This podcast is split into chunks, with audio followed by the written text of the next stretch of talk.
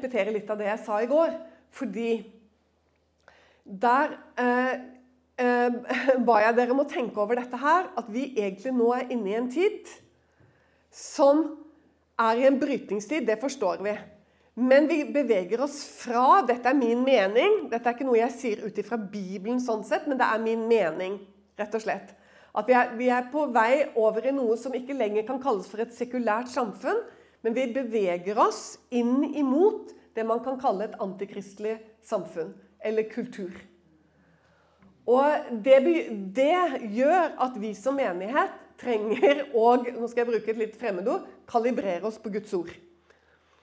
Det er nødvendig med fordypning i ordet. Og det som er så fantastisk, det er at hele Det nye testamentet er skrevet ned i en slik kultur som vi holder på å bevege oss inn i. Nytestamentet ble skrevet ned i en tid som var antikristelig. Menighetene sto i stor forfølgelse. Johannes' åpenbaring og de menighetene som skal få dette som Johannes nå Ikke Johannes' åpenbaring, unnskyld meg, Jesu Kristi åpenbaring, men det som Johannes nå har skrevet ned, og som menighetene skal få, det er menigheter som lever under stor forfølgelse. Stor forfølgelse. Sannsynligvis så er Johannes nå den eneste av de tolv apostlene som fortsatt lever. Og han innleder med å si hvor han er. Han presenterer seg hvem han er, og han sier noe om hvor han er. Og Det interessante er dette at han går med en gang på at han forklarer hvorfor han er i fangeleir på Patmos. Jo, han er der pga. Guds ord og Jesu Kristi vitnesbyrd. Altså, så han med en gang så eh, stiller han seg sammen med sine brødre og søsken i forfølgelsen. For han vet at de som skal få det han nå skriver ned, det er menigheter som er under sterk forfølgelse, og som har det på litt ulik måte, men som står under et voldsomt press til å bøye av. Pga. presset ifra den kulturen som er herskende i det romerske riket. De holder på, flere av de, å bøye av. Og dette vet Johannes når han skriver, og det er det som kommer så tydelig fram når han presenterer seg. Og det er ikke mange setningene han bruker på det, for han vil til det som er viktig for han å få sagt. Men han kommer med noen få ord om seg selv. Og det begynner i det niende verset. Så sier han Johannes. Jeg, Johannes, som er deres bror og har del med dere i trengselen, i riket og utholdenheten i Jesus. Jeg var på den øy som kalles Patmos, for Guds ords og Jesu vitnesbyrd skyld. Legg merke til hva er det han sier først her? Han sier Han kunne jo sagt at han er ikke sant, den siste av de gjenlevende tolv apostler. Den eneste som fortsatt lever, hvis det var det som var tilfellet. Man er, diskuterer jo litt når eh, dette ble skrevet ned. Men, men, nå sier jeg det slik. Kanskje den siste, eh, med stor sannsynlighet egentlig, som har sett Jesus Kristus levende. Han kunne sagt så mye, men det eneste han sier, er hvorfor han er på Patmos Altså, han er under forfølgelse i likhet med de. Han presenterer seg som en bror. Og så dere går han til dette ganske kjapt og sier eh, Jeg som har del med dere Og det er tre ting. Det er tre ting som er fokus for ham. Han kunne sagt så mye her sånn, men det er tre ting. Det er trengselen, det er riket, og det er utholdenheten. Det er de tre tingene. For det er det som er viktig for han å si noe om i det som skal rulles ut og overgis til menighetene, nemlig om å holde ut. De står i stor trengsel, og de står i trengsel pga. riket, pga. Jesus Kristus. Så står de i trengsel, og så vil han formidle utholdenhet. Er så, han er bare så utrolig fokusert om hva som er viktig. Og nå sier jeg at den virkeligheten, og det var min mening, som disse menighetene står i, det er den virkeligheten som vi beveger oss inn i. Og som vi nærmer oss dessverre med ganske raske skritt, mest sannsynlig her i den vestlige verden. Hvor raskt det går, det vet vi ikke. Hvor langt vi skal være med inn før han henter oss, det vet vi heller ikke. Jeg syns Paulus er så nydelig når han sier om tidene og stundene trenger dere ikke til at noen lærer dere, fordi dere vet at han kommer som en tyv om natten. Og det er liksom litt morsomt, for er det noe vi bruker vanvittig mye tid på, så er det jo å på en måte sitte og diskutere eh, når han kommer. Kommer han før, kommer han midt i, kommer han etter? Og så sier Paulus når det gjelder tidene og stundene, så trenger dere ikke til at noen lærer dere. Jesus sa jo selv også at ikke heller han vet. Og det er viktig, dere. Det er kun Faderen som vet. Vi kommer inn på det mer etter eh, grøten, etter pausen. Jesu gjenkomst. Men om riket. Men nå, før pausen, så vil jeg at vi skal være konsentrert da om trengsel og utholdenhet. Og da aller mest utholdenhet, fordi vi snakket mye om trengsel i går, så er det utholdenhet som er hovedfokus her eh, i eh, ettermiddag. Det er et interessant ord. Og på gresk så heter det hypomonen. Og det betyr simpelthen utholdenhet. Det er ofte oversatt feil i våre bibler. Og det er oversatt med tålmodighet. Det er ikke helt det samme som utholdenhet. Det har en annen valør. Og jeg mener at eh, For at vi skal forstå sammenhengen og det som er viktig, så går vi faktisk litt glipp av det hvis vi skriver tålmodighet i stedet for utholdenhet. Men det er nå rettet opp i 2011-oversettelsen. Den har også sine sterke sider. Selv om jeg stort sett alltid taler fra 1930. Det er simpelthen fordi det er en god oversettelse. En meget god oversettelse. Den har sin absolutte styrke. Men det er nok kanskje aller mest det fordi jeg, når jeg ble frelst, så var det den første bibelen jeg fikk i hendene. Jeg hadde rett og slett aldri eid en bibel, aldri lest i en bibel, før jeg ble frelst. Og da var jeg godt voksen. Og da var det 1930-oversettelsen jeg fikk. Og det ble jo på en måte det hjertespråket som Gud brukte når han talte med meg. Sånn at Eh, la det være sagt at 2011-oversettelsen den har sine styrker, den også. Og så er det kanskje noen som lurer på er det virkelig sånn at det er så viktig å holde på med ett ord her. Utholdenhet det er kjempeviktig. Og det går ganske hånd i hånd med det som vi var innom eh, i går. Og du, det står så mye om det. Det står altså så mye om det at eh, vi må nok bare eh, gå rett til eh, verket. La oss gå litt bakover, bare for å plukke opp eh, Paulus. Et par Før vi liksom går inn i materien, så vil jeg bare at du skal bli med meg. Og så skal vi bare se noe om hva dette her egentlig er for noe. Når du sier utholdenhet, Eva, er det en frukt? Nei, tålmodighet er en frukt. Utholdenhet er ikke en frukt. Men tålmodighet er det. I Kolossebrevet så står det i det ellevte verset der er det også oversatt i min 1930 med tålmodighet, men det skal ikke stå det. Det er utholdenhet. Der står det i det ellevte verset Så dere styrkes med all styrke etter Hans herlighetskraft til all utholdenhet og langmodighet. Eh, det var første kapittel.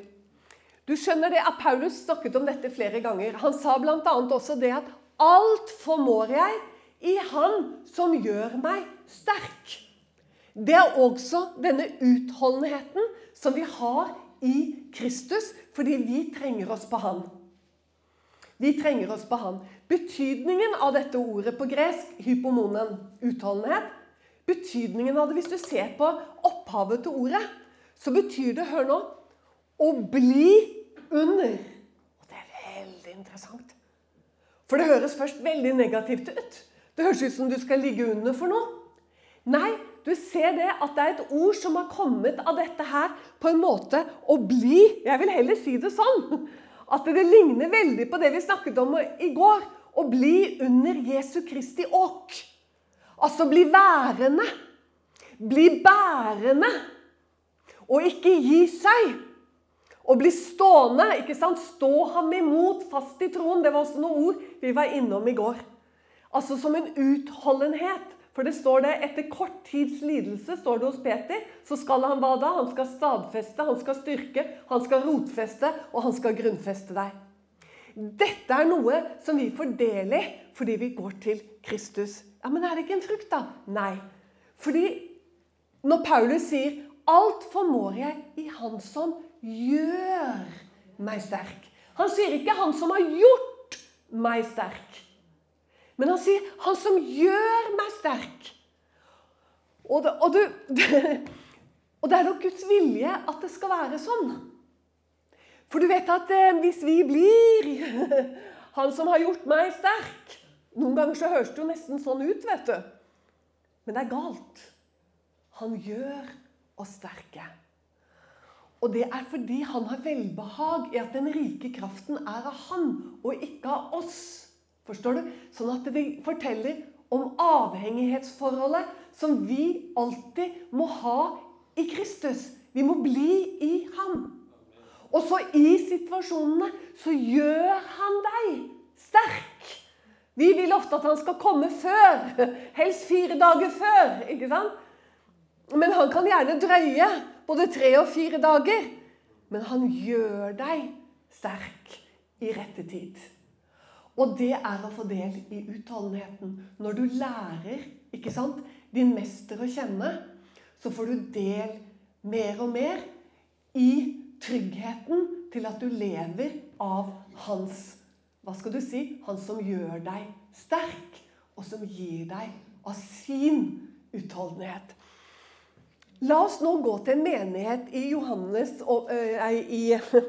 i åpenbaringen i det tredje kapittelet, som kanskje er den mest kjente av de syv menighetene. Og det er ikke så veldig rart. For det er vel den som får den mest positive omtalen av disse menighetene. Men, men legg merke til Når du leser kapittel 2 og 3, så ser du det at det, Jesus er så nøye med de alle tre. De er alle sammen av gull. Fordi de er ikke født av kjøds vilje eller av manns vilje, men de er født av Gud. Så det er gullysestaker som er bildet på hans syv menigheter. Det er syv lysestaker av gull. Av stor betydning. Og Derfor så skal han nå igjennom Johannes så kommer disse rådene til disse syv menighetene som står i store trengsler. Alle syv. Og noen av de er på vei til å bøye av. Noen av de begynner å ta inn av den romerske kulturen, av avgudsdyrkelse, og begynner å lifle med at hor er ikke så farlig likevel. Og, og det er ikke så farlig å bryte ekteskap og sånn og sånn. Og? For den romerske kulturen, den presser på. Og menighetene som er så trengt, de har begynt å skli, flere av de. Og så ser du at det er en her som står og det er Philadelphia. Det er, fle, det er en til. Uh, og, de fleste, og det, det, er ikke sånn at alle er helt ute og kjører, men noen er mer, noen er mindre. Og Philadelphia er, det, er blant dem hvor han ikke har noe å utsette i det hele tatt. Og så vil jeg at vi skal bare få med deg altså, hvor viktig denne menigheten er. Og alle, egentlig, for den tiden vi lever i nå. For hva er det Jesus eh, sier til dem Jo, i det åttende verset så står det 'Jeg vet om dine gjerninger'. Det sier han til alle. Det er interessant. Det er så interessant. Hva tenker du da? Til syv menigheter så sier han 'Jeg vet om dine gjerninger'. Det høres jo håper å si, det høres jo ikke bra ut. altså, vi som er øh, barn av reformasjonen, og så står Jesus her og sier 'Jeg vet om gjerningene dine'. Hæ? Til alle sammen så begynner han med det 'Jeg vet om dine gjerninger'. Det er fordi det som står i Jakobs brev, at det, du skjønner, en tro uten gjerninger, den er død. Og det er slik at Jesus han kan se hvor vi er hen ut ifra våre gjerninger. Ikke sånne gjerninger som vi gjør. Sånn, skjønner du? Å, nå bare jeg gjør, gjør masse gode gjerninger. Vel og bra å gjøre gode gjerninger. Men skjønner du, som, som om det skulle ha med frelse å gjøre. Nei, det er ikke der vi er. Men gjerningene sier noe om vår tro. Og de sier noe om vår troskap til Kristus. Det er det han ser. Jeg vet om dine gjerninger. Du skjønner, tro er jo liv. Sånn? Tro vil jo gå ut i armer og ben. Tro tar valg. Og tro tar innimellom slike valg som, som kanskje ikke ser helt fornuftige ut, men de blir tatt fordi de er tatt i tro. Tro gjør sånne valg som har med Guds ord å gjøre. For det er Guds ord vi tror på. Vi tror på Kristus, Guds ord. Så derfor så tar vi valg. Ikke sant? Og dette ser Jesus. Og det er gjerninger. Altså De valgene du tar fordi du er en kristen, det er gjerningene. Han ser dem. Og han fryder seg når han ser slike gjerninger som er gjort fordi det er tillit til Gud. Han ser at dette er i troskap til Gud. Det er i tillit til Gud. Sånn. 'Å, mitt kjære barn, du kunne ikke gjort sånn. Hadde du ikke stolt på meg?' Det er jo dette han ser. Det er ikke hvorvidt du liksom løper og gjør sånn, og du, å, du liksom, 'Nå har du vært flink, og nå har du både bakt, og du har støvsugd, og du har holdt på', liksom. Det er ikke det at det er viktig å hjelpe til på den måten, men det er ikke det Jesus først og fremst ser til. Han ser til det som har med tro å gjøre. Fordi at de forteller jo hvor du er i forhold til han. Og det er jo det han er interessert i. Og det er det det handler om her. Så dette er et brev som blir gitt for å varsle menighetene i forhold til at han kommer snart. Det er jo det som er, det er, det som er fokus her. Han kommer. Og hvor er du? Og så er det jo han med Efesus, men nå er det Philadelphia vi skal se på aller først. Og jeg kommer inn på de andre også etter hvert. Men han sier altså 'Jeg vet om dine gjerninger', og så sier han 'Se, jeg har satt foran deg en åpen dør, og ingen kan lukke den til', for du har liten Og her er det feil igjen i 30, så jeg står og anbefaler 30-oversettelsen. Du har ikke liten styrke, du har liten kraft, står det på gresk. Altså dynabis, det er Guds kraft. Altså det er lite kraft i menigheten. Det er, her, her, det er, ikke, så mye, det er ikke så mye nådegaver. Det er ikke så mye mirakler. Det er ikke så mye som skjer av det vi skulle ønske skjedde, og som sikkert også Jesus skulle ønske at skjedde. Han, men, han sier det. Jeg ser det. Du har liten kraft. Det er ikke så mye kraft hos deg, Philadelphia. Men så kommer det. Men du har dog Ser du doget? Det, betyr at det var ikke veldig bra at det ikke er så mye kraft. Men, men han peser dem ikke for det i det hele tatt. For det er noe som er viktigere. Antageligvis mye viktigere. Og det er at de har tatt vare på mitt ord. Ser du det? Det var det som var så viktig at han hadde sagt jeg har satt foran deg en åpen dør, og ingen kan lukke den igjen. Du har liten kraft, men du har dog tatt vare på mitt ord og ikke fornektet mitt navn. For det er jo det som har begynt å skje innenfor miljøer i de andre menighetene. At noen begynner å fornekte ham fordi de fornekter Guds ord. Det er jo dette oppsummert de andre menighetene som får formaning. Alt sammen handler om det. Hører du hva jeg sier? Alt sammen handler om lære. Alt sammen. Nei. Ikke vær for kjapp. Efesus. Det handler om hjertet. Det er viktig. Men det er jo til syvende og sist lære, det også.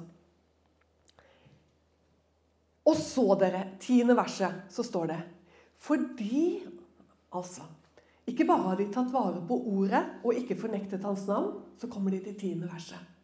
Og dette må du legge merke til. Fordi du har tatt vare på mitt ord om utholdenhet. Oi. Det var altså fra Jesus det kommer. Dette utholdenhet, altså. Som det står om. Hos nesten i alle brevene så løftes dette med utholdenhet fram. Viktigheten av utholdenheten.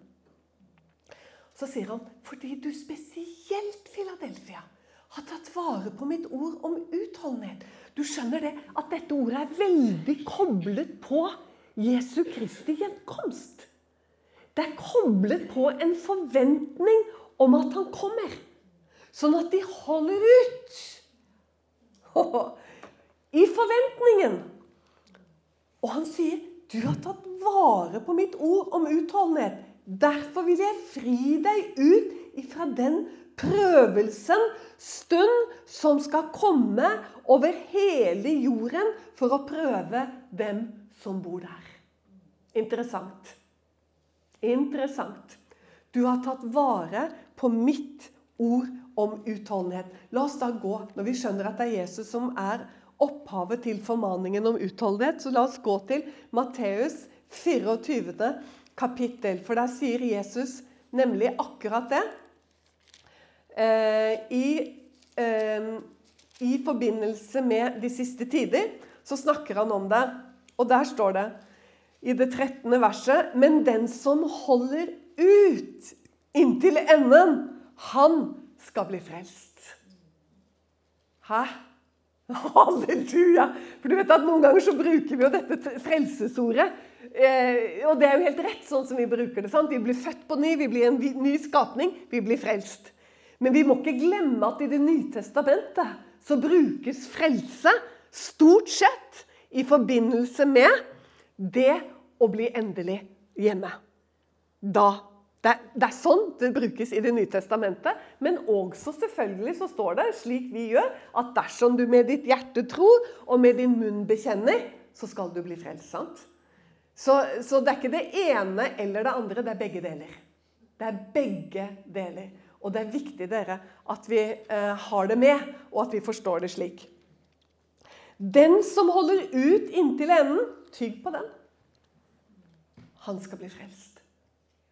Og Johannes' åpenbaring til alle de syv menighetene Den som seirer, den som seirer, sier han til alle. Den som seirer.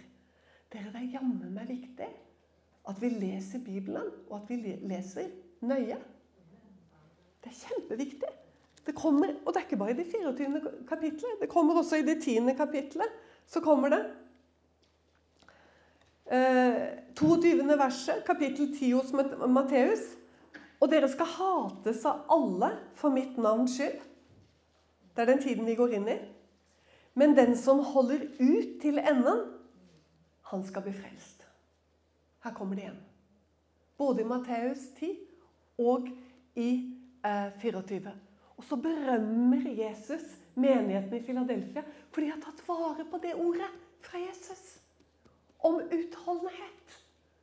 Altså ikke bøye av. Det var jo det det handlet om. De andre de har begynt å bøye av. Og nå skal vi se på Sardes.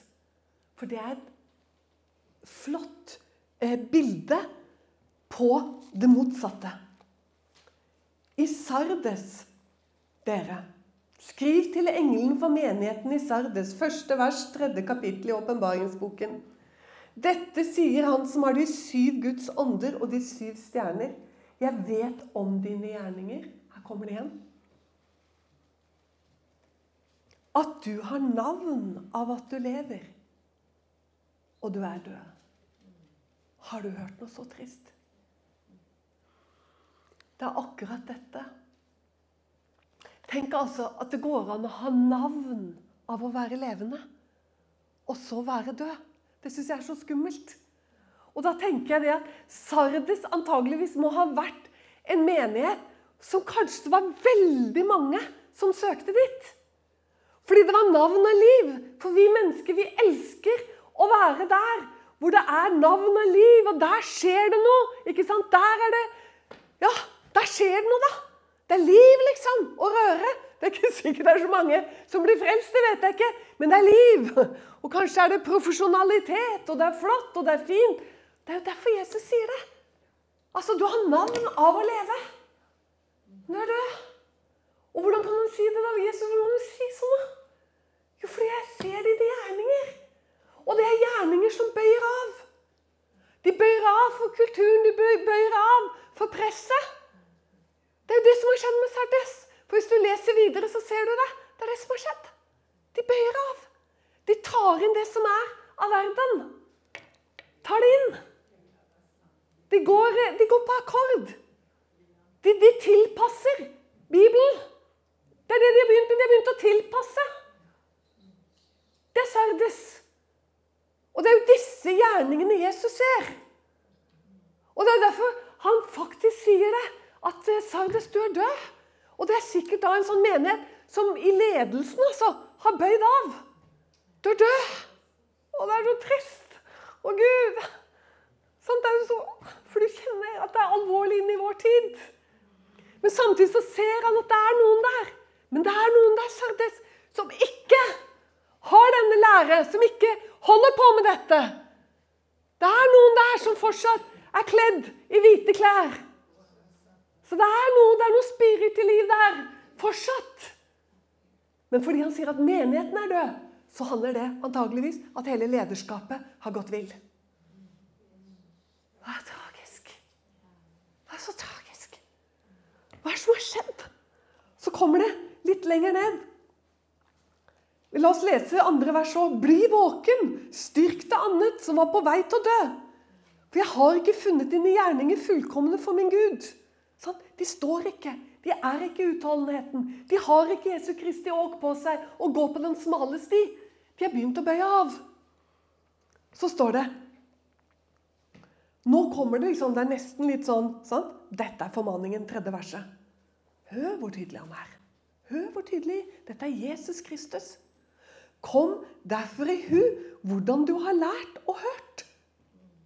Og ta vare på det og omvend deg. Dersom du ikke våker, skal jeg komme som en tyv. Og du skal ikke vite hva stund jeg kommer over deg. Hva?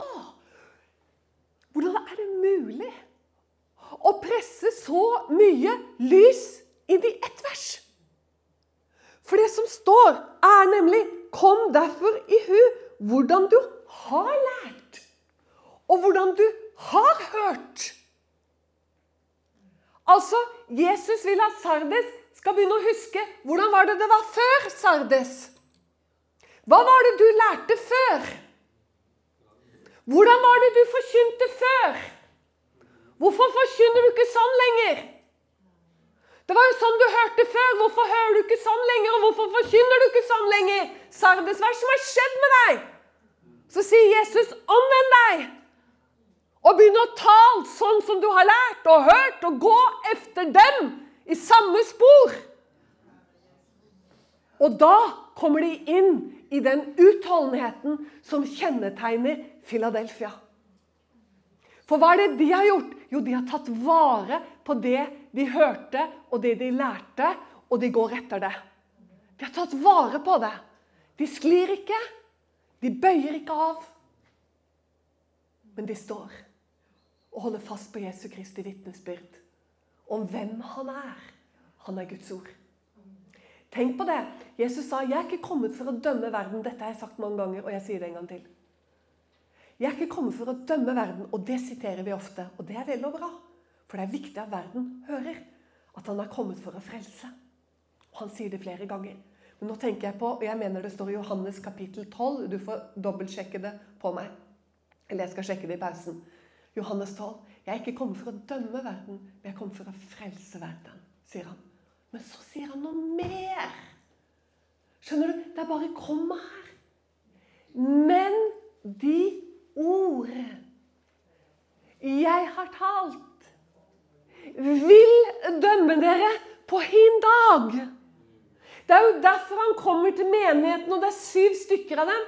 Og jeg kan ikke skjønne at man kunne sitte og diskutere hvorvidt disse menighetene er aktuelle opp gjennom hele historien, og hvorvidt de er aktuelle for vår tid. Og dette var jo bare for den tid, og, og det har vært så mye snålt. Selvfølgelig bare tallet syv burde få oss til å skjønne at dette er noe som er litt av evighetskarakter når det gjelder menighetenes tilstand opp igjennom eh, kristenhetens historie.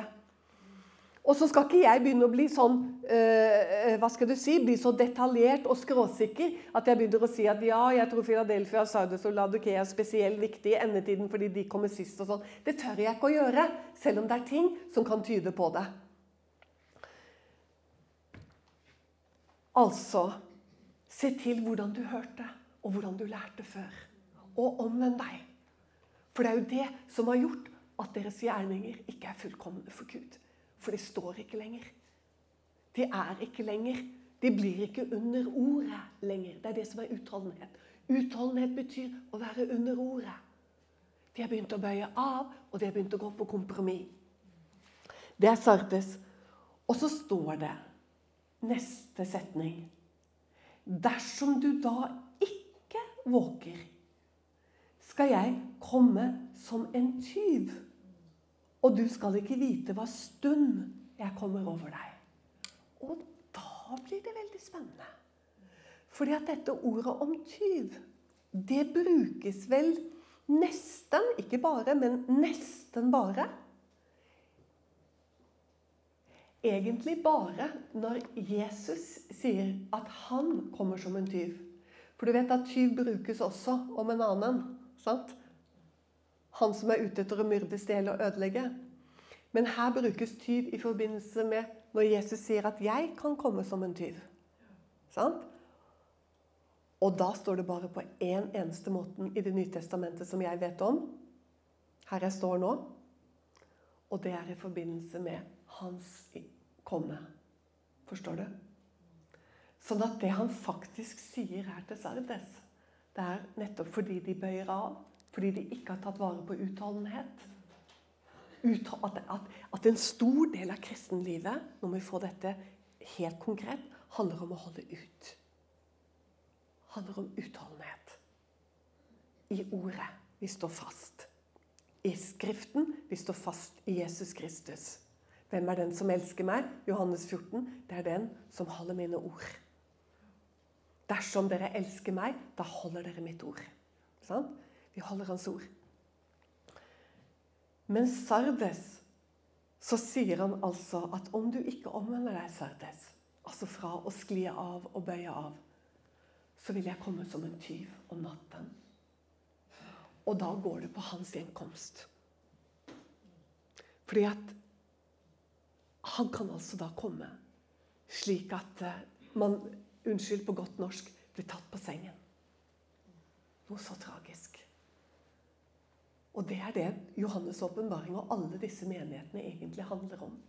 Det er advarsel om å være rede fordi han kommer. Jesu Kristus som kommer atter for å åpenbare seg. Hebrebrevet, dere, 9. kapittel. Som kommer atter, skal atter åpenbare seg. Men denne gangen uten synd, skriver Hebrebrevets forfatter. Men for å hente de som venter på ham Hører du det?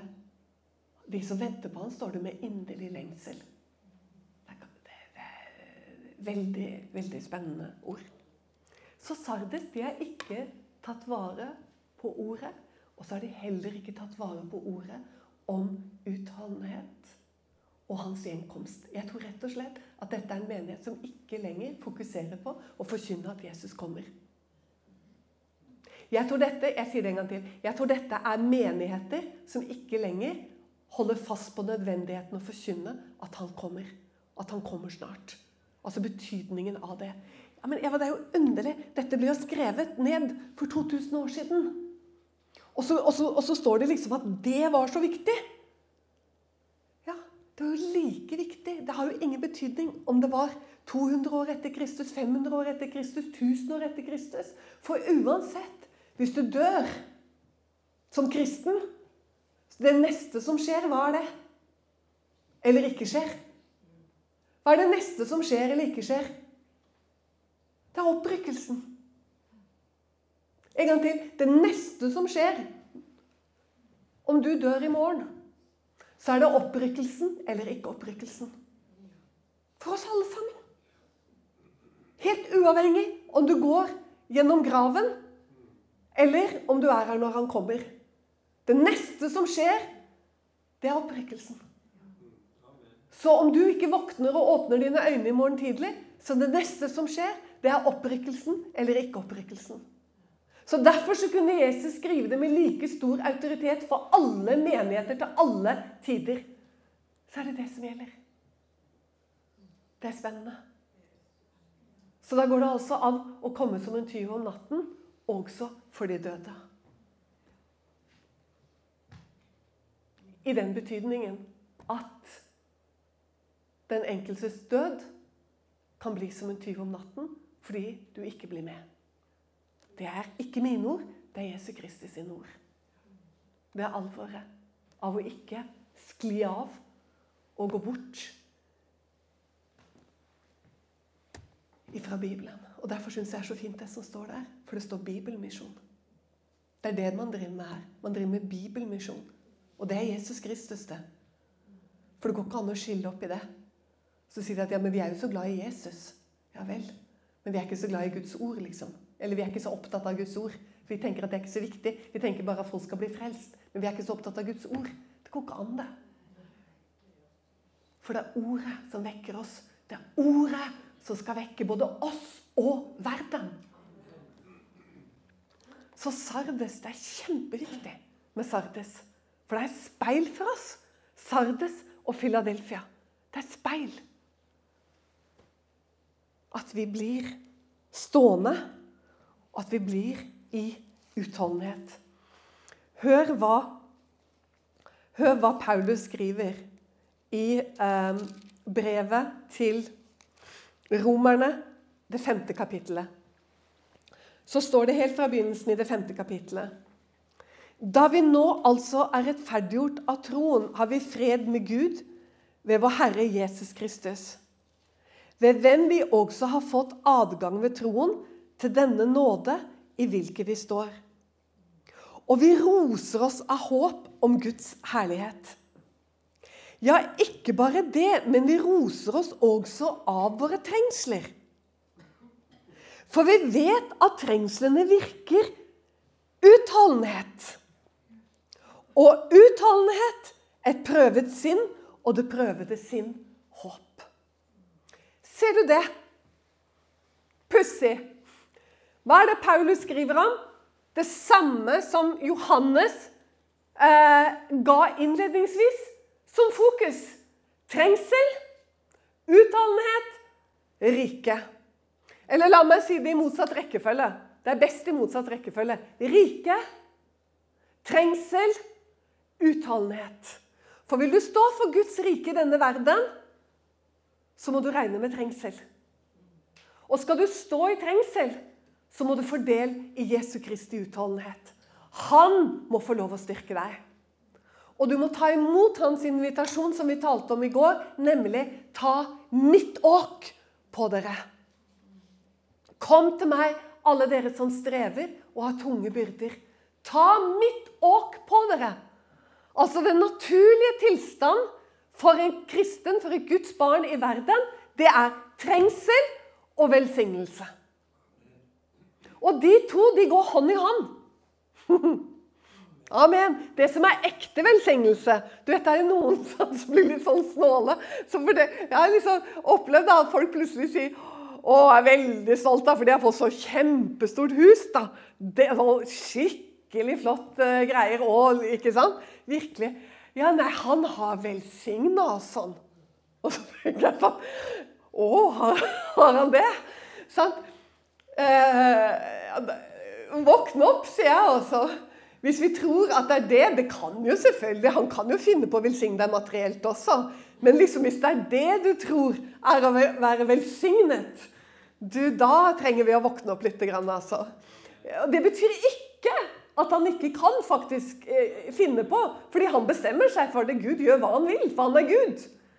Men det er liksom ikke det som menes med velsignelser. Hør, skal jeg oppsummere for deg hva velsignelse er. Det er liv. Amen. Halleluja. Og liv, det er både åndelig og på mange måter, men det er først og fremst åndelig liv. Det er liv. Sant? Det blir frukt. Det blir liv. Amen. Og det er det han driver med. Han velsigner. Han velsigner oss, men i denne velsignelse og i det vi står i her i verden, fordi vi er i verden, så er det trengsler. I verden har dere trengsler, men se, jeg har overvunnet verden. Stå med oss økonomisk og i bønn. Du finner oss på utentvil.com.